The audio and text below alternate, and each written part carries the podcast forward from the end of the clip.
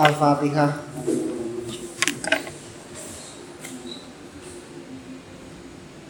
Iya kan.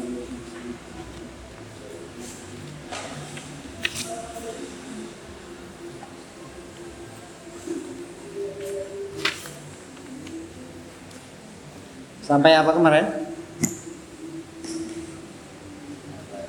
Karoha Karoha apa?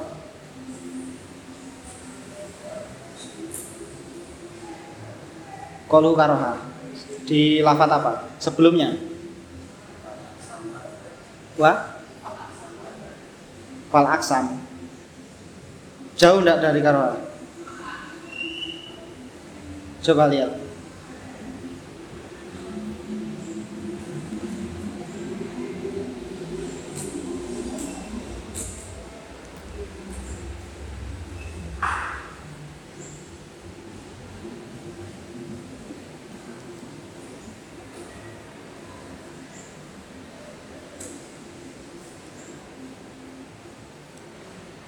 Wakot yamuru itu ya?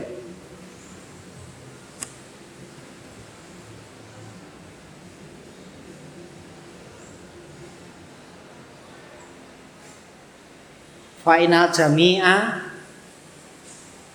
Monggo temen setuhune sekabehane iku waki iku waki tumiba bi iradatihi kelawan iradai Gusti Allah.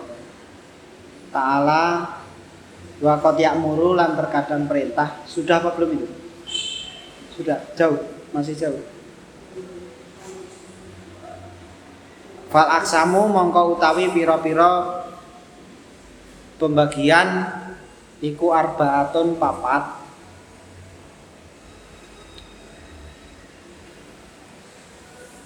waridho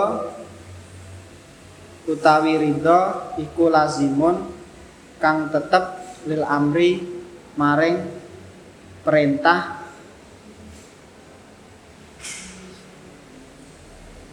Itu hurufnya apa saja itu wawu tak tak ya?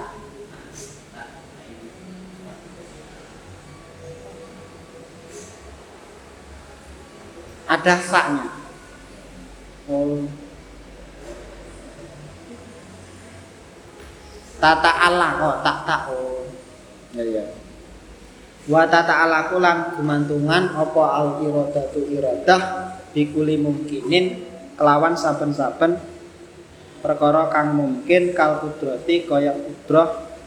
Lakin ta'alukul kudrati tetapine utawi ta'aluke sifat kudrah iku ta'alaka gumantungan apa ta'alukul kudrah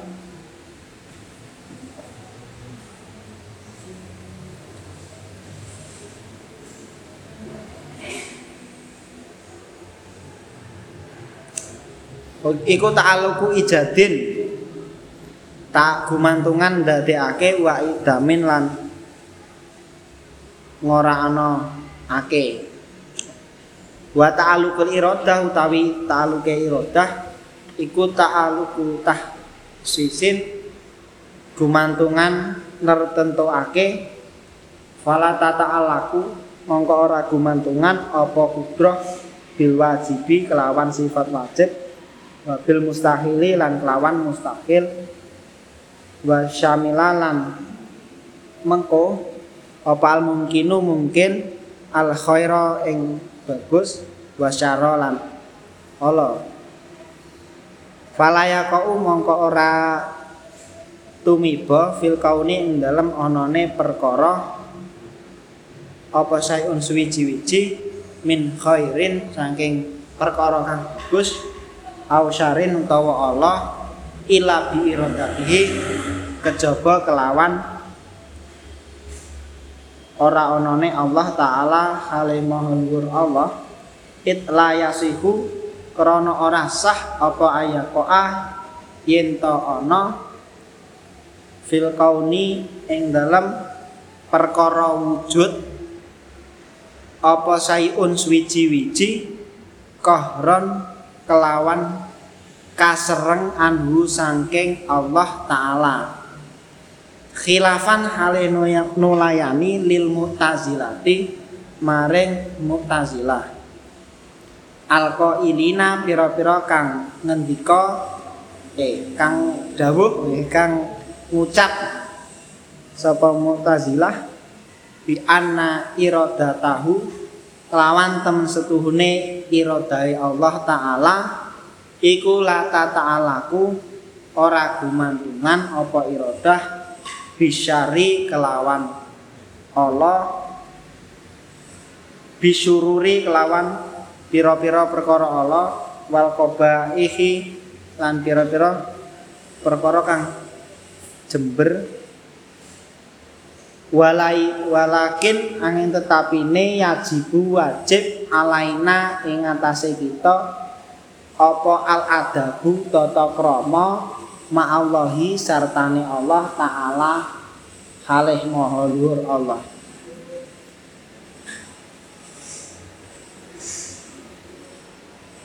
Kang WC iku elek apa apik? WC iku enek taine elek apa apik?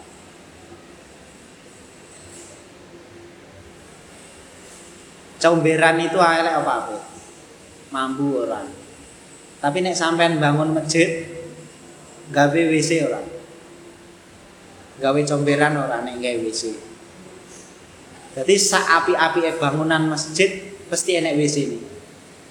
Saapi-api perkara mesti enek elek penamaan elek dan tidak itu kan setelah persepsi manusia menurut persepsi ayam kandang kambing itu ya tetap enjoy enjoy saja nggak ada istilah kobeh bagi mereka. Jelek kotor itu nggak ada. Jadi penamaan kobeh itu setelah manusia wujud manusianya ada baru ada istilah oh ini kobeh. Setelah ada peraturan bahwa dilarang berzina maka zina itu baru dinamakan dengan kobeh. Jelek. Sebelum ada larangan zina itu ya zina itu ndak ndak ndak jelek. Sesuatu yang biasa. Karena itu tidak dinamakan dengan zina sebelum dinamakan dengan zina. Tapi kalau kaum mutazilah tidak memahami Allah itu tidak boleh menciptakan perkara yang jelek itu tidak boleh. Padahal eh, penamaan nama jelek itu ya ada setelah Allah menciptakan terus kita oh kita disuruh menjauhi khinjir tetap khinjir menjadi jelek. Elek orang khinjir boleh dimakan enggak nah itu kan kita tahu bahwa itu jelek setelah Allah memerintahkan untuk tidak memakan. Kita tahu anjing itu gak baik untuk kita kenapa? Karena menurut hadis Nabi malaikat Jibril itu tidak mau datang kepada rumah yang ada anjingnya bangkai anjing. Nah itu kan ada setelah di di diberitahu dikasih rumus. Rumusnya apa? Jangan makan kinjir setelah kita dilarang makan kinjir maka kinjir itu menurut perspektif kita adalah hina.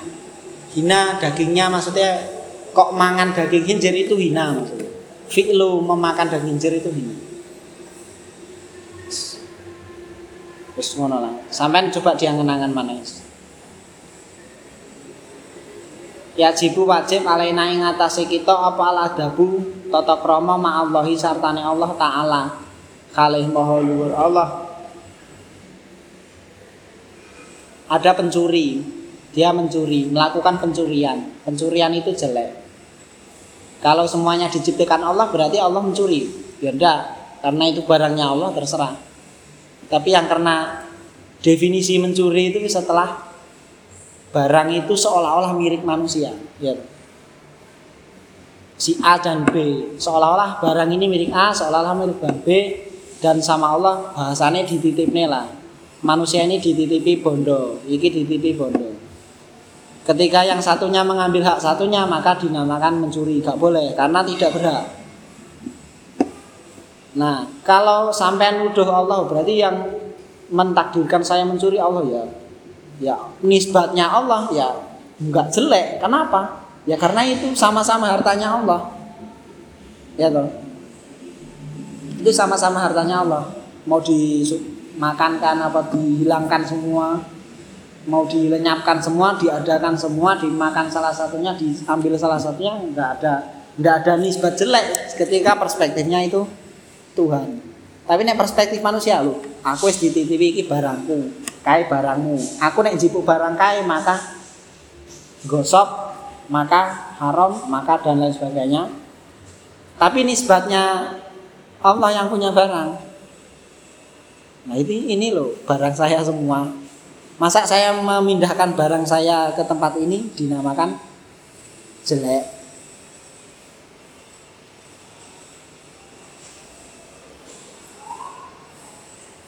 nanti yang kenangan lagi di Allah apa itu? Lafadznya apa itu?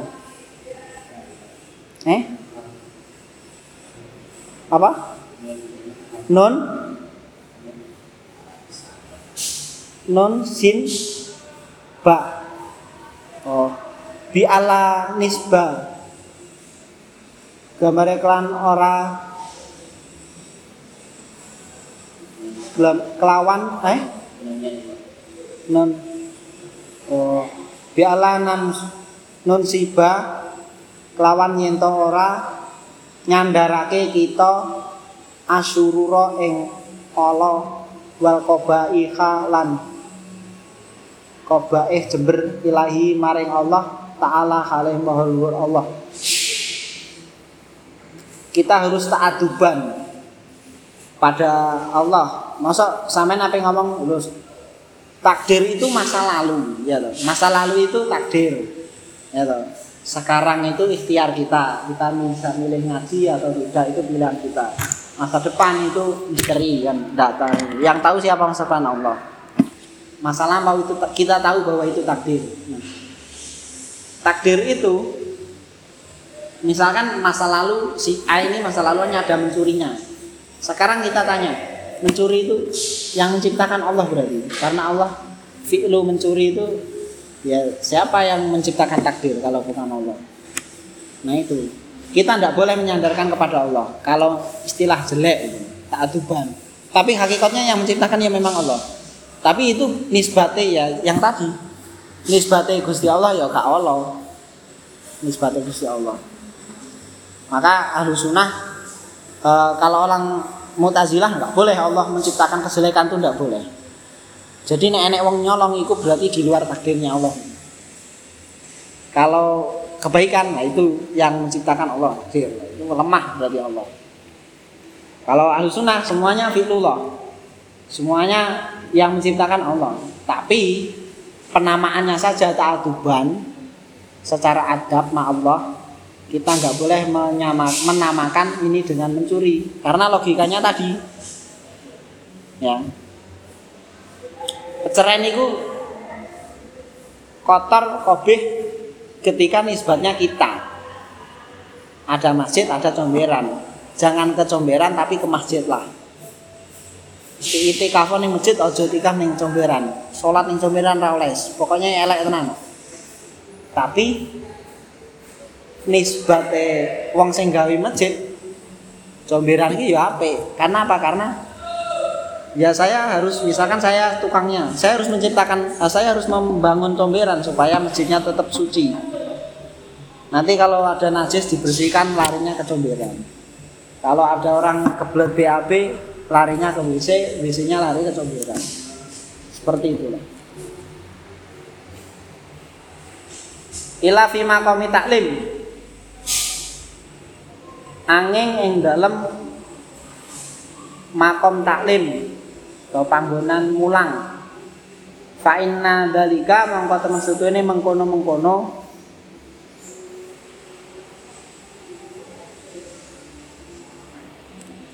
nun siba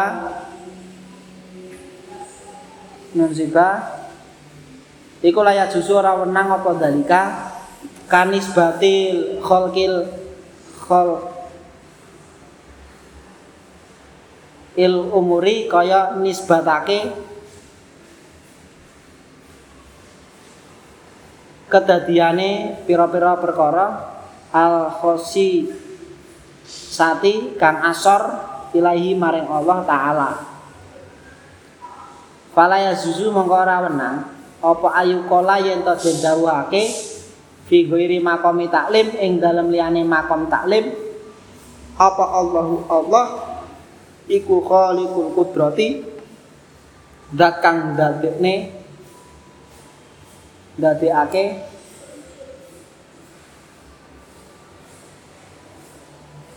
kirdati oh kinjir ya apa? Ketek ketek. Wal khona ziri lan pira-pira celeng. Allah yang menciptakan yang jelek-jelek itu yang gaweannya Allah itu di luar makom taklim wa muta'alim. Taklim wa muta'alim itu gak boleh. Misalkan sampean apa namanya punya statement bahwa pencurian, kebakaran, kejahatan, perzinaan, maksiat semua itu yang ciptakan Allah ya itu tidak boleh. Tapi kalau untuk menjelaskan konsepnya gini, cara memahaminya gini, itu boleh. Wa dalilu utawi dalile ala dalika ing atas ing atase mengkono subutul iradah ai subutul iradati tegese tetepe iradah lahu kedua Allah taala iku wujudul alami wujude alam wa tarkibihi lan kasusune alam iku inahu teman setuhune Allah taala kalih maha luhur Allah iku lau lam yatasif ora persifatan sapa Allah bil iradati kelawan sifat iradah lakana mongko yekti ana sapa Allah iku karihan kapeksa kasereng. Walau kanan lan namun ana sapa Allah iku karihan zat kang kasereng. Ai adimul arad iradah kang kasepen pengarepan lam yatasif mongko ora persifatan sapa Allah bil kudrati kelawan kudroh kelawan sifat kudroh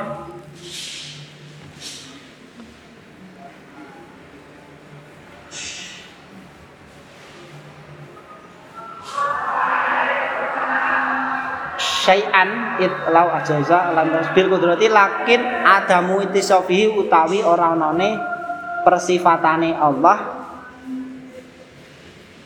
Biha kelawan kudroh iku muhalun muhal. Itlam lau lam yatasif krana lamun ora persifatan sapa Allah biha kelawan kudro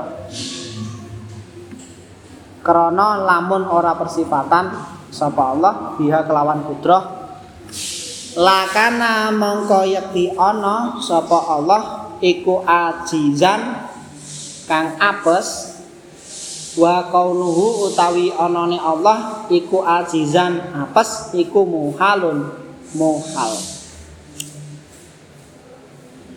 Itlau ajuza krana lamun apes sapa Allah lama auzada mongko yakti ora mujudake sapa Allah sayan ing suwi-wiji minal hawadisi saking pira-pira khawatis wadalika utawi mengkono ajuza iku batilun batil. Limusyahadati wujudiha krana nakseni wujude hadis. Sampean paham mesin kan? Pernah bongkar mesin mobil? Pernah bongkar mesin motor? Sampean ngerti piston sesamen multi piston, piston busi. Piston itu yang digerak-gerak itu loh. Nah, ini iklan-iklan apa namanya? Oli itu dia gerak-gerak. Nah, itu namanya kepala piston. Piston itu diledakkan oleh busi. Sampai ngerti busi loh. Jenenge tok wis apa-apa. Busi itu fungsinya membakar kadar listriknya, jedek-jedek. Begitu dikasih bensin sedikit, masuknya lewat karbu, karbu motor atau kalau sekarang injeksi masuk ke dalam antara piston kepala piston sama busi meledak itu nanti. Ada listrik, ada besi meledak jedek. Ketika jedek terjadi putaran ini. Jedek satu kali terjadi putaran sehingga menjadikan mesin putaran jeglek jeglek jeglek jeglek jeglek jeglek. Nah ini karena putaran bensinnya terus muter muter muter jeglek jeglek. Semakin jalur bensinnya dibuka semakin lebar, maka mesinnya semakin banter. Semakin banter, semakin kencang, semakin kencang. Nah nanti putaran ini dialirkan ke gear, gear dialirkan ke kalau metik ya ke pendel, kalau yang rantai ya ke rantainya, ke gear belakang, ke ban akhirnya motornya jalan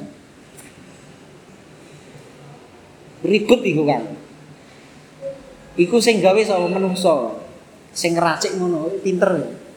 Iku kudune wesi kabeh nek orang ngono kebakar iku besi ini naik kebakar kalau jadi fungsinya oli kayak ngelicin kayak piston jalan-jalan jedek-jedek kecepatan tinggi.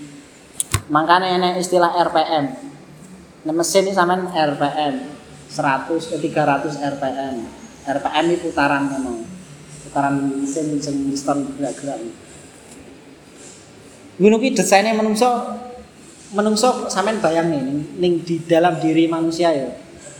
Lebih dari piston, lebih dari piston. Ada mangan dicerna oleh lambung. Lambung ada asamnya. Nanti kalau ada makanan dia keluar seret kayak busi tadi, kayak apa namanya? karbu. Lebih dari injeksi lah. Nanti karbunya uh, dia membakar keluar asam, setelah asamnya keluar nanti membakar makanan, setelah makannya dibakar diserap menjadi zat untuk tenaga, ada yang ampasnya dibuang, dimasukkan ke tempat ampas, cairan kotornya dibuang masuk ke jalur pembuangan cairan.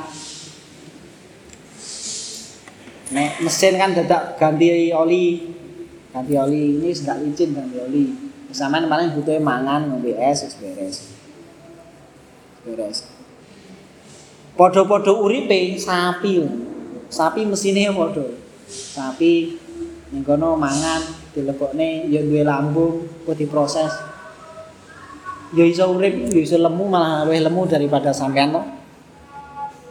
Mek modal kan bahan bakare suket nek dhewe nggo bahan-bahan suket-suket paling sik luwe jan. Kuwi mau mosok mesin sing seribet kuwi. Enek sing lari 500 rpm rpm saiki sing tercepat iku motor 400 km per jam. 400 km per jam itu pun tidak sampai bisa lama.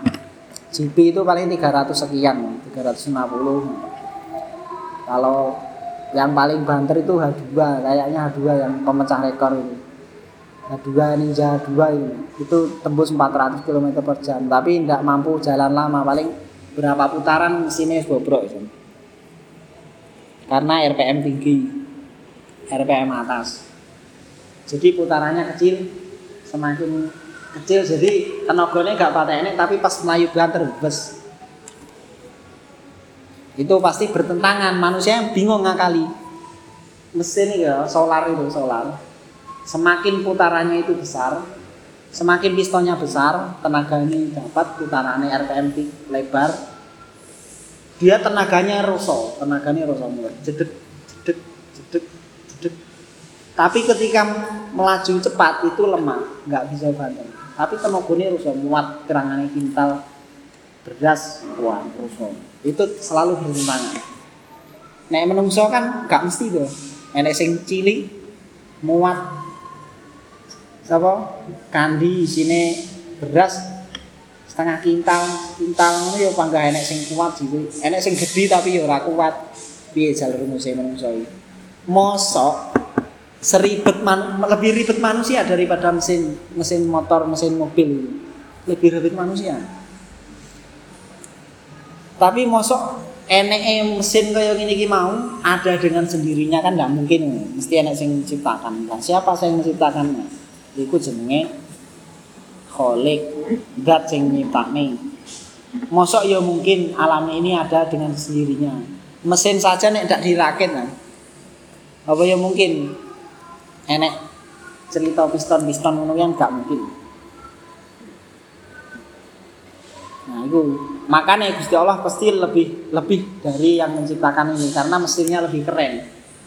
Ini baru manusia, belum lagi alam semesta ini, ya kan? Nenek matahari muter-muter, galeren-leren. Bahan bakarnya opo? Nenek bumi. Terus keren pokoknya lah. Sampai yang udan, udan. Prosesnya udan, udan banyu kena panas menguap jadi awan. Awan kadar air terlalu lembab akhirnya turun menjadi air. Jadi air. Kalau turun di udara di atas terlalu dingin nanti turunnya jadi es atau salju. Terus lebih keren itu tidak perlu kita setel nggak perlu kita pikirkan. Wis melaku dewi saat turunnya di lahir wis enek dewi Mosok ya kaya ngono kuwi gak enek sing nyitani. Logikanya seperti itu. Lakana ajisan. Mongko yekti ana sapa Allah iku ajisan apes. Wa kaunu utawi anane Allah iku ajizan apes. Iku muhalun muhal. It lau ajaza krana lamun akses. Oh, limu syahadati wujud dia krana ini wujude hadis. Buktinya kita melihat alam semesta ini ada maka ya yang menciptakan ya ada. Buktinya kita melihat motor itu bisa jalan ada ada mesin yang ribet itu berarti ada yang namanya ada yang namanya ya yang buat mesin. Gitu masa sampean mengira mesin motor itu ada dengan sendirinya kan ya lucu. Fabatola mongko batal apa ma perkara? Ada kang nekake ilahi maring ma uh, apa adamul ijati? Ora anane mujudake. Wa utawi wa utawi ma ada iku ajzuhu apese Allah? Wa idza tafa lan ing dalem nalikane dadi sepi. Apa al ajzu apes? Tat intafat mongko dadi sepi. Apa al karohatu sifat kapeksa. Wasabata lan tetep. Apa nakibuha sewalike karoha wa utawi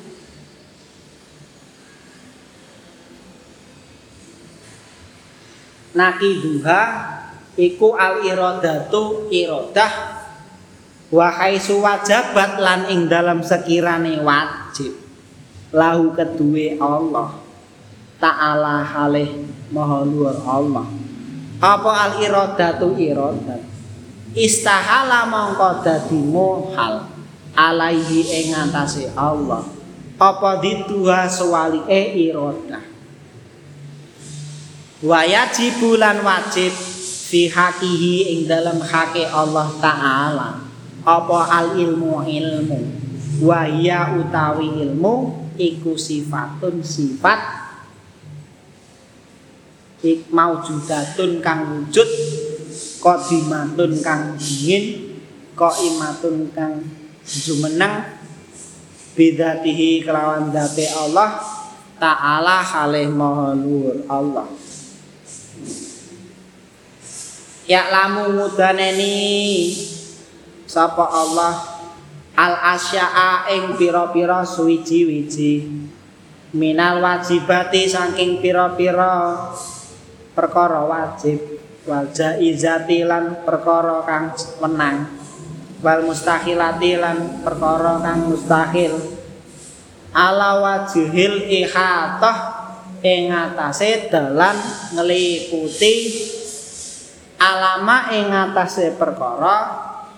Ya kang utawi ihatah iku alaihi ing atase ma tafsilan kelawan perinci-perinci. Fayalamu mongko ngudaneni sapa Allah taala subhanahu khalih. Maha suci ne Allah. Wa taala luhur Allah. Maing perkara. Lani hayata kang ora ana katok. Katok-katok. Lahu kedue ma. Tafsilan kelawan perinci-perinci. Tafsilan kelawan perinci-perinci ka kamalatihi kaya kesempurnaane Allah. Wa angfasi ahli jannah. Lan pira-pira kahan apa awake ahli jannah. Fata'ala ko mongko gumantungan.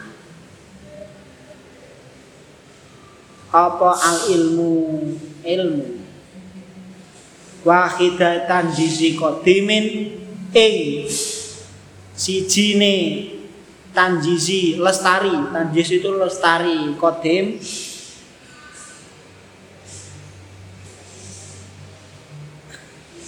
Fahuwa utawi mongko utawi Allah Ta'ala Iku alimun mudaneni Bijami ilmaklupati Maklumati Kelawan sekabehane maklumat. Muhitun kang ngeliputi Bijami ima kelawan sekabehane perkara Yajri kang lumaku apa mah tahta tahawumil ardi. Ing atase eh, ing dalem ngisore telenge bumi telenge bumi ila aklas samawati maring luweh dhuwur-dhuwure langit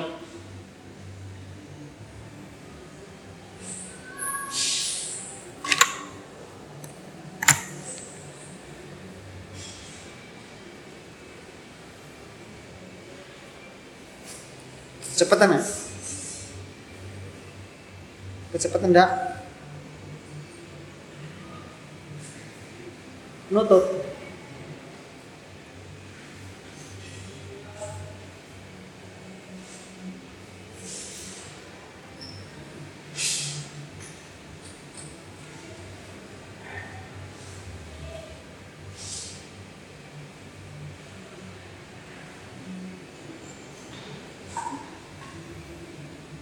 Masa bujang ya? Makna lainnya apa bujang?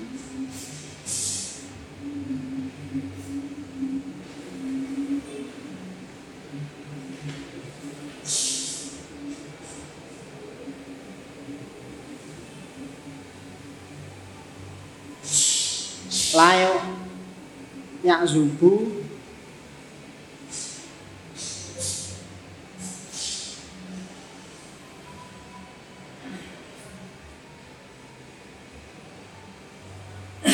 Azeb itu artinya jomblo. Tapi masuk jomblo so, Ngepasnya mana sih. Kayak lamu adimun bahwa ketimukun tasisi Ilmu fitur bijamnya mah yang cerita tatanya Itu ngalah semuanya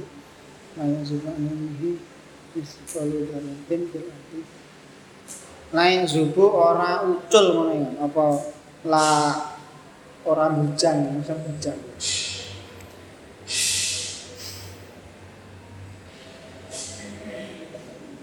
Ora ucul ya bener.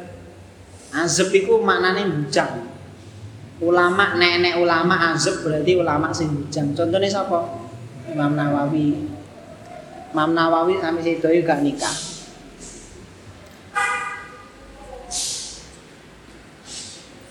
Beliau hidupnya untuk ilmu ilmu dan ilmu. Beliau itu Imam Nawawi itu dulunya itu karena beliau jenggerengnya jenggerengnya perawakannya itu kurang ganteng kurang e, aneh lah mungkin aneh dikatakan teman-temannya waktu kecil itu diajak main. Dia di dia mau ngajak main teman-temannya seusianya itu tidak mau. Teman-temannya itu takut atau dibully lah bahasa dulu. Saking imam beliau itu nggak pakai ganteng dan aneh apa terlalu piye ngono. Perawakan perawakan nangis beliau. Waktu ning wong tuane. Terus akhirnya karo wong tuane ora didem malah dingin ini awakmu iku gak pang gak mangkomi dolanan karo bocah-bocah cilik ngono kae. Isih cilik kan? Ora mangkomi dolan karo cah cilik-cilik. Sampai nih cocoknya dolanane sobone awor kitab awor ilmu. Akhirnya beliau itu di kayak karangannya beliau itu lebih banyak daripada usianya. Karomahnya beliau kan itu. Karangannya itu lebih banyak karyanya lebih banyak daripada usianya ketika di nalar itu tidak masuk nalar masuk hidupnya cuma sekian tahun karangannya bisa segini itu kan tidak masuk akal karomahnya beliau beliau ning ilmu Sudah jam 5 belum? Eh? Sudah. Lebih berapa? Lebih 7, enggak ngomong. Al-Fatihah.